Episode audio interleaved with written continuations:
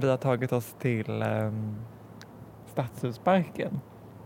Vi har sett eh, sången, dansen, poeten, målaren och diktaren av Karel som finns här. Som alla är från 20-talet. Man har lite olika stil ändå. Vad tänkte du på när du såg eh, sångaren? Alltså, först tänkte jag att den är så mycket mjukare och lättare än de här tidigare som vi tittat på. Men han, eh, han står vänd mot dansen. Och de står vid vattnet här vid Mälarsjön. Ja. Och de är ju också mycket mer på något sätt klassiska i sina kroppar i alla fall. Och dansen är ju det även i ansiktet. Men sångaren har ju sin krokiga näsa också. Han står i någon slags kontrapost fast ändå så ser man att han har handen uppe och sjunger ut. Ehm. Mm. Och vi konstaterade att poeten, målaren och diktaren och diktaren föreställer då August Strindberg. Och det står, den är också tillägnad August Strindberg av Karl Eld. Mm, kom fram till att de eventuellt var lite mer arkaiska i sin stil. Ja, i alla fall den diktaren som var väldigt eh, så frontal och ena foten lite fram. Och sen så lite kanske stelare och eh, kompakta. Eh, där vid Strindberg så är det också en, en stork, tror jag det är, som matar sina tre små ungar. Men du vet inte vad det symboliserar? Eller du har inte kollat upp? Ska vi göra det först? Ja, vi kanske ska, ska kolla upp. Eller vill du se dem? Nej, nej, den kan rulla på. Oh, här kommer en... Nu har vi besök av en duva här. Hallå! Pelikan! Pelikanen som pickar sitt bröst och matar sina ungar med sitt blod är en folklig symbol för Kristus och hans försoningsoffer. Jaha, om pelikanen berättas att pelikanungarna vid födseln slår efter föräldrarnas ansikten. Pelikanen nyper då av ungarnas huvuden. På tredje dagen öppnar pelikanen sitt bröst genom att rispa det med näbben och återväcker på så sätt de döda ungarna till liv. Men undrar varför, vad har det med Strindberg att göra? Att han är reinkarnation av Kristus kanske? Herregud.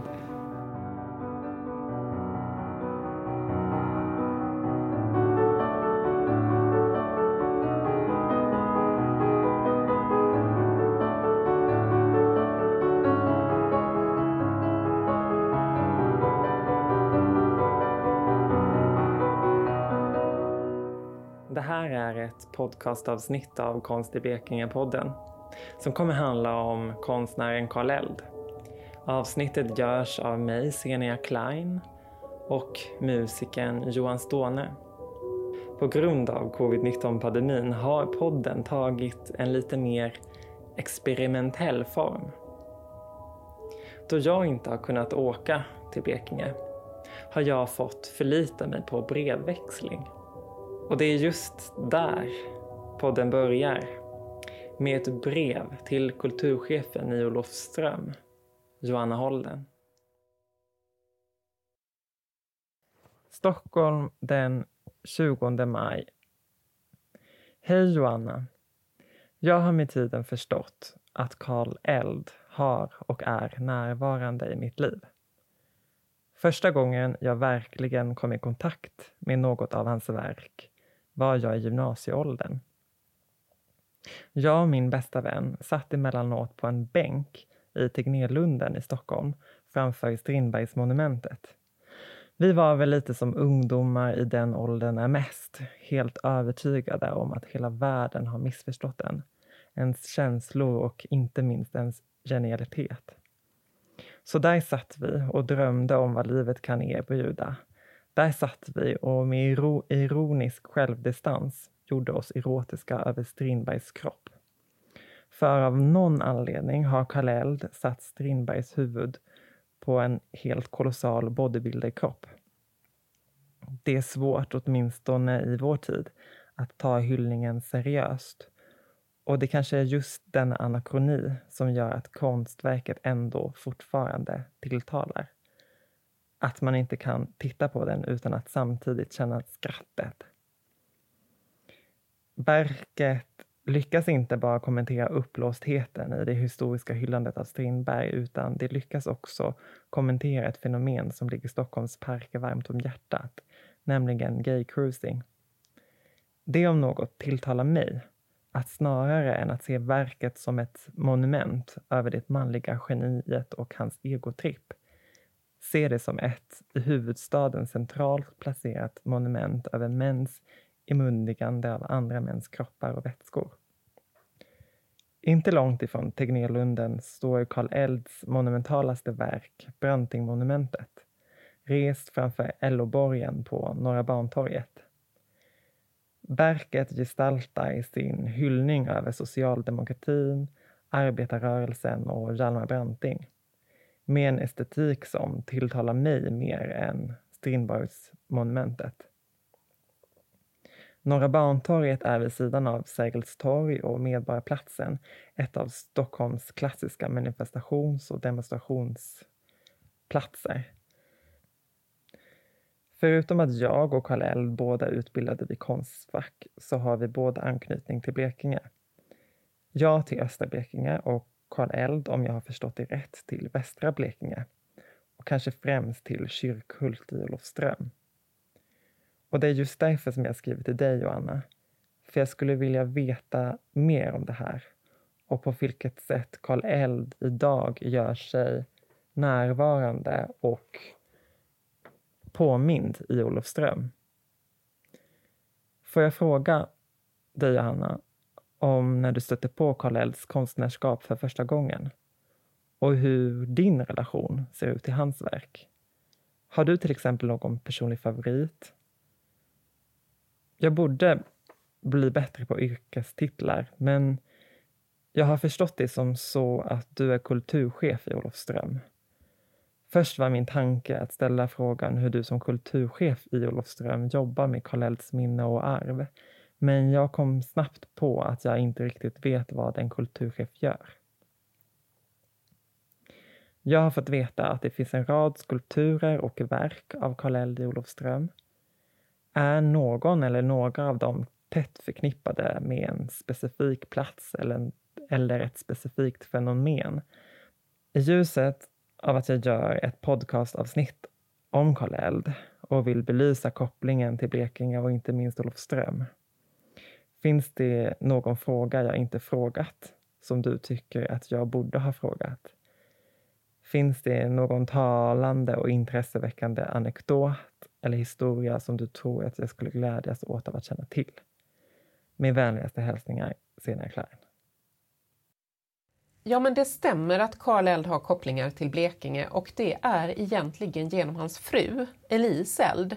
För hon var barde från Kyrkhult, eller Ebbamåla närmare bestämt.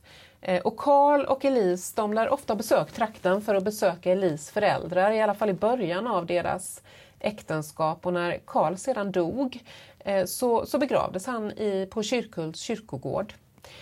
Om jag inte är felinformerad så var det också då som Elise Eld köpte Fornebodastugan. Och där spenderade hon och den gemensamma dottern till henne och Karl, nämligen Britta Eld, mycket tid fram till dess att Elise gick bort. Britta Eld engagerade sig sedermera i eh, faderns konstnärskap och hon var också intendent för Elds ateljémuseum i Stockholm. Men hon fortsatte att eh, besöka Blekinge och Forneboda. Och det är, som jag har förstått det, bland annat genom en donation av dottern Britta som en mängd av Karl Elds konst finns utplacerad i Olofströms kommun. Ja, men ur mitt perspektiv så gör sig Karl Eld mest närvarande i Olofströms kommun tack vare de skulpturer som finns utplacerade i kommunen eh, och som är en del av den olofströmska faunan om man så vill. Eh, och för en del invånare så är dessa skulpturer sannolikt något som bara finns här medan andra är betydligt mer bekanta och insatta i Els konstnärskap och har en större anknytning till hans verk och kanske större kunskap än gemene man om, om Karl Eld. Eh, men samtidigt så behöver man ju ingen kunskap alls egentligen för att kunna ta till sig ett konstnärligt verk utan det är ju en väldigt personlig upplevelse. I Kyrkhult så finns ju också Fornebodastugan bevarad och denna förvaltas och ägs av Fornebodastiftelsen så där finns ju också ett arv efter Karl Eld fast genom hans hustru och hans dotter. Jag är uppvuxen i en liten ort som heter Diö som ligger i Älmhults kommun och eh, stiftade tidigt bekantskap med en staty av Carl von Linné som finns placerad på torget i Älmhult och den är gjord av ingen mindre än Karl Eld. Och som barn så reflekterade jag såklart inte över vem som hade gjort den där skulpturen eller tänkte speciellt mycket på det, men det var en sån där skulptur eller staty som liksom, den har funnits med mig genom livet. Jag kan liksom visualisera den framför mig väldigt tydligt. Eh, så, så den har ju på något sätt fastnat i mig utan att jag visste något om om skulptören bakom, eh, eller om Karl Eld och, och hans storhet. Eh, sen såg jag faktiskt ett foto för ett antal år sedan på en skulptur som heter Flicka med gloria. Eh, och den fanns utanför Olofströms bibliotek och etsade sig också fast hos mig men den blev stulen ungefär ett år innan jag började arbeta i Olofström och flyttade till Blekinge så tyvärr fick jag aldrig uppleva den live. Eh, däremot så tänker jag mig att jag kommer nog alltid ha en väldigt speciell relation till två verk som heter Sången och dansen som finns i Aniara-parken i Olofström. För jag passerar dem varje dag på väg till jobbet och även hem och de är otroligt vackra tycker jag. Eh, sen finns det också en staty i Kyrkhult som jag tycker lite sådär extra mycket om som heter Näcken. Och, och det är ju ofta så med konst att den är det är inte alltid lätt att sätta fingret på vad det är som gör att man tycker sådär lite extra om någonting utan var och en får, får hitta det själv. En anekdot, ja jag har en anekdot om man kan kalla det för det som dock har gått och blivit ledsam. Men det är så här att vid Karl Elds familjegrav så finns eller fanns byster tillverkade av honom samt av hans fru och de här bysterna föreställer då bland annat Elise Eld, Karl Eld och Britta Eld. Eh, och den byst som föreställer Karl själv, den är faktiskt gjord av Elise Eld. 2014 så stals de här bysterna av Elise och Britta Eld. Men de återfanns senare och så först hittade man då bysten av hustrun Elise i, om jag inte missminner mig, en IKEA-kasse eller någonting liknande på kyrkogården i Emmaboda. Eh, och senare så återfanns även bysten av Britta då i ett skogsområde utanför Olofström. Kanske var det så att man var ute efter metallvärdet, men metallvärdet i de här bysterna enligt vad jag förstår är väldigt ringa. Så det kan ju ha varit så att tjuvarna insåg det och, och dumpade de här bysterna och lyckan var naturligtvis väldigt stor då i Olofströms kommun när detta hände och dessa byster återfanns. Men tyvärr så har tjuvar då varit i farten igen. Eh, men vi hoppas ju naturligtvis att tjuvarna även denna gång tar sitt förnuft till fånga för det lär väl vara ganska svårt att sälja dem vidare. Och metallvärdet är ju som sagt vad jag, enligt vad jag förstår väldigt litet. Så eh, snälla, snälla tjuvar, ta dem och packa in dem i, i vad ni finner lämpligt och lägg tillbaka dem på kyrkogården en mörk natt så blir vi blir vi glada. De här bysterna tillhör ju inte Olofströms kommun som organisation men de är ju absolut en del av Olofströms kommun och, och definitivt en del av en familjegrav och för oss så är de fullständigt ovärderliga. Men eh, snälla tjuvar, ställ tillbaka grejerna eh, så gör ni oss otroligt glada.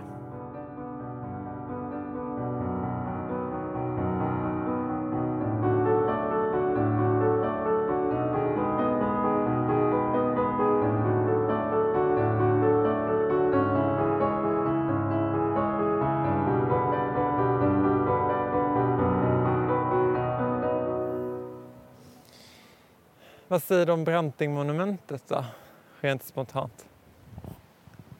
Jag undrar hur han håller handen. Det är inte riktigt knytnäven utan det är lite som han typ knäpper med fingrarna. Eller vi säger någonting. Ja, han är på väg. Ja, precis. Han ska hålla tal. Alltså det är fina fanor. Men också att han är så mycket större än alla andra. Han är ju verkligen dubbelt så stor. Han står liksom framför en folkmassa där alla människor är mycket, mycket mindre.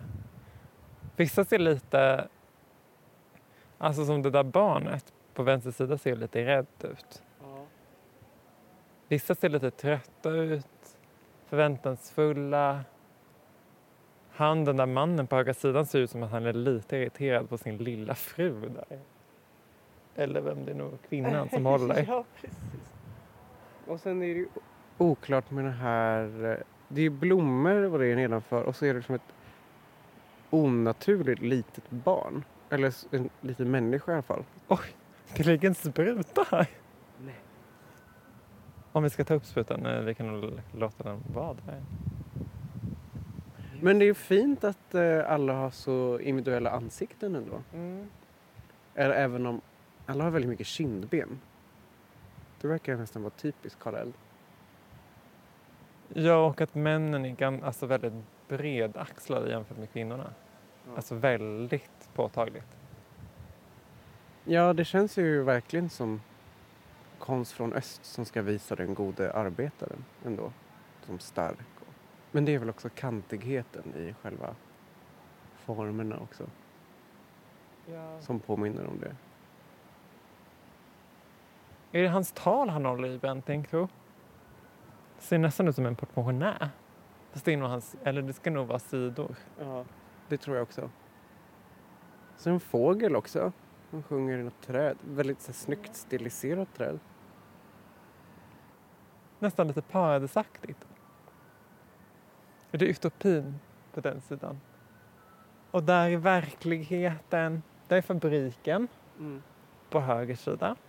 Ja, men som typ, det är så här, gå upp, gå upp och arbeta. Och där på andra sidan är trädgården, paradisträdet, lärkan eller läktergalen. Mm. De slåss för att kunna ta ledigt. Reglerad arbetstid, semester. Alltså det är spännande att det också är en så stor mörk koloss. Den är ju nästan hotfull i sin dimension. Vilket speglar Clarion Hotel här. Ja, den, den står ju framför LO-borgen.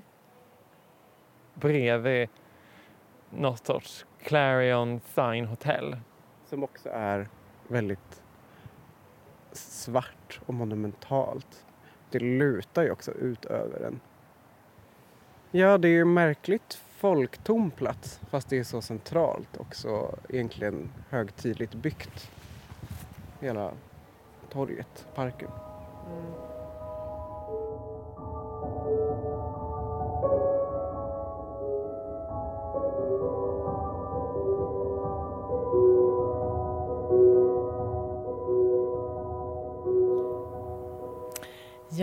hej, jag heter Åsa Cavalli Björkman och är museichef här på Karl Ells ateljémuseum.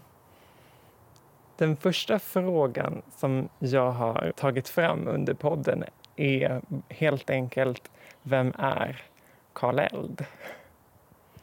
Ja, han eh, var en ganska framstående skulptör under första hälften av 1900-talet. Eh, en av, fortfarande idag en av Sveriges mest kända skulptörer genom tiderna. Eh, och han var ju också en av de mest anlitade då eh, i, Sverige men även utomlands. Och vi sitter ju i hans ateljémuseum och om jag har förstått allting rätt så har hans dotter Britta Eld varit med eller har någonting med skapandet av det här museet att göra. Stämmer det? Eller vad vet du om det här? Ja, det, det stämmer i högsta grad. Ateljén eh, uppfördes ju redan 1919 efter ritningar av eh, Ragnar Östberg, stadshusarkitekten som var nära vän till Eld. Och han var ju verksam här i 30 års tid, mer än 30 år. Britta Eld bodde också här en tid som liten men eh, flyttade till Amerika med sin mamma Elise Eld som ju kommer ifrån Blekinge. och, ehm, men de kom hit eh, tillbaka till Sverige då 1954 eh, på våren i samband med att eld gick bort. Och det hade ju redan inletts samtal med Stockholms stad om att det här skulle bevaras som eh, museum. Men eh, i och med att eld gick bort så avstannade det där och Eh, då fortsatte Britta arbetet med att, att göra det här till ett museum. Eh, och hon kom, de kom väl inte riktigt överens då med staden om villkoren och så så att hon bildade istället den stiftelse, stiftelsen Carl och Elise Els Ateljé som fortfarande är huvudman för museet. Och eh, sen öppnade museet portarna 1963 då för allmänheten. Och I början var det ju i högsta grad Britta själv som både var ordförande i den här äh, stiftelsens styrelse och intendent i museet. Och med äh, några medarbetare skötte verksamheten här då. Det är jätteintressant att Ragnar Östberg har ritat det här. För att vi har under pondet så har vi tittat närmare på sången som finns i Aniara-parken i Olofström och vid eh, Stadshuset. Um, när vi var och besökte Stadshusparken så hittade vi statyn eh, Diktan eh, som föreställer då Strindberg. Och på baksidan av den så, så står det också till August Strindberg. Och vi började podden med att titta närmare också på Strindbergsmonumentet i Tegnérlunden. Och här utanför Karl Ells ateljémuseum så står också Strindberg, unge Strindberg i skärgården. Mm. Vill du berätta om hur det kommer sig att Karl Eld gjorde så många Strindberg? Ja, innan Eld var verksam här i Bellevueparken så hade han sin ateljé på Narvavägen eh, nära Karlaplan och Djurgården. Och, eh, han kom dit efter sin studievistelse i Paris ungefär 1904 eh, och såg då varje morgon Strindberg gå förbi på sin morgonpromenad ut på Djurgården genom sitt ateljéfönster. Han höll till i en gammal mjölkbutik tror jag och arbetade och då gjorde han en liten statyett som heter eh, Strindberg på promenad. Och samtidigt höll han på med en byst av konstnären Richard Berg som var vän med Strindberg och som höll på med ett porträtt av Strindberg. Och han berättade om den här unga skulptören då som hade gjort den här statyetten. Och då blev Strindberg nyfiken och bjöd in båda de här herrarna på frukost. Och där inleddes då en vänskap kan man säga mellan eh, Karl Eld och Strindberg. Och Strindberg gick ganska snart med på att sitta modell för en byst eh, lite större byst eh, som Eld ehm, eh, gjorde och som blev kvar 1905 och som blev väldigt känd på sin tid. Han fascinerades ju av det här motivet Eld och återkom gång på gång till Strindberg. Inte bara på uppdrag så här utan han, han gjorde på eget bevåg. Det finns ju ett 30-tal studier och flera av de här lite större monumenten och statyerna som du har nämnt. Och, eh, inledningsvis tror jag kanske det kan varit karriärdrag eller strategiskt drag. Han hade ju sett hur Rodin i Paris hörde, gjorde flera byster och monument av eh, deras liksom, nationalförfattare Victor Hugo. Och eh, vilken berömmelse skulptören fick av det. Så han tänkte väl kanske att han skulle pröva samma koncept. Jag vet inte, han gjorde ju också flera porträtt av eh, Fröding, Gustaf Fröding jag undrar om det är Fröding som också kanske står som avbildar i Stadshusparken. Som, ja. Om det är poeten eller författaren. Absolut. Ja, de tre eh, nakenstudierna kan, kan man säga av eh, målaren Ernst Josefsson, eh, just då Gustaf Fröding och sen så Strindberg eh, väckte ju väldigt stort uppseende på sin tid eftersom de inte har kläder på sig. Men han ville ju göra dem tidlösa, mer som klassiska skulpturer, att det inte skulle vara så bestämd av, av en tidsperiod utan mer deras gärning. Karl Eld och Strindberg utvecklade ju en sorts vänskap, eller de kom väl överens. Har du någon reflektion om hur de, hur de blev vänner? Liksom? Ja, det, det konstnärliga naturligtvis, samtalen. De, Eld gick ju med Strindberg på museerna och diskuterade men eh, också generationsskillnaden. Eh, Eld och Strindberg, Eld var en av de få som inte blev osams med Strindberg. Eh, och det kan ju också ha att göra med, med Elds personlighet. Han var ju eh, ganska ödmjuk person sådär eh, vad man uppfattar när man hör radioprogram och läser beskrivningar och sånt. Men det är ju väldigt svårt att veta. Det stämde väl helt enkelt att de hade bra samtal. Jag har ju också en fråga om som knyter an lite till Brantingmonumentet. Och det är ju om att jag undrar lite om Karl Elds kopplingar till eh, arbetarrörelsen och socialdemokratin och hur han var politiskt aktiv.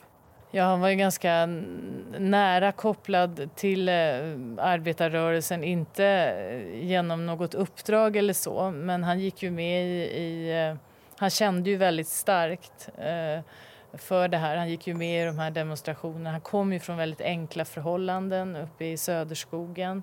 Eh, hans far var smed vid Dannemora gruva och ehm, han skildrar ju som ung skulptör väldigt mycket eh, fattiga, utslagna människor. Eh, upplevde orättvisorna eh, i en storstad som, som Paris då. Eh, och eh, han gjorde ett av hans sista monument som skulle ha stått i Göteborg mm, var ju Arbetets ära som finns bara i studier här. Eh, han var för gammal och sjuk på, på slutet för att kunna fullborda det. Eh, men eh, visst, det, det, är ju ett motiv som var väldigt nära och eh, just Brantingmonumentet höll han ju på med under en väldigt lång period. Hur skiljer sig bilden, eller samhällets bild och förståelse av Karl Ells konstnärskap idag från, om, om vi jämför med hur han förstods under sin tid?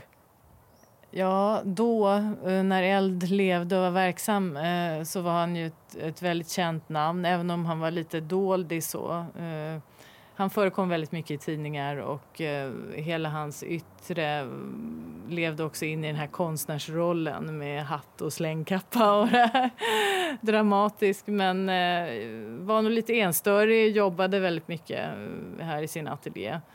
Men fick ju stora offentliga uppdrag och var med i många eh, jurys och sådär eh, för andra eh, uppdrag och liksom hjälpte fram den yngre generationen. Han var ju aldrig professor eller så men hade ju många som kom och arbetade med honom här. Idag är det ju säkert inte lika känt namn även om hans verk står kvar på, i parker och på torg och så. Det finns många paralleller, fler paralleller med den tiden än vad man tror. Mm. Och eh, idag så kan man ofta säga varför står det så många nakna kvinnor i parkerna och sådär. Eh, men då måste man ju också tänka på vad betydde det här på Elds tid? Vad stod det här för då? Nu kanske man inte ser nya skulpturer av nakna kvinnor i parker men på sociala medier så är det väldigt naket och lättklätt. Så, så, det, så det finns ju fortfarande liksom. Bara lite kort om um, er tanke med att uh, när ni bjuder in konstnärer, samtida konstnärer, om hur konceptet bakom att främja kvinnor i det. Ja, eh, dels det uppenbara förstås att det är som en kontrast då till en, eh, ja, det som har varit eh, normen, manlig vit konstnär och så. Men inte bara det, för att Eld eh, på sin tid var något faktiskt av en mentor för, för kvinnliga konstnärer, eller för unga konstnärer överhuvudtaget. Han eh, stöttade och peppade och det får vi, har vi flera vittnesbörd på och, och många som har, har skrivit om. Eh, sen tycker vi ju att eh, det finns så många bra konstnärskap att lyfta fram som förtjänar mer eh, uppmärksamhet helt enkelt. Eh, och att det har blivit eh, som en serie utställningar. En sista fråga. Vad tror du att Karl Eld hade velat säga oss idag? Dels om man tänker på vår tid, men också om konst, samtidskonstvärlden och diskursen. Om du har kan ju vara svårt att säga vad man tänker att han hade sagt men om du har någon reflektion kring det?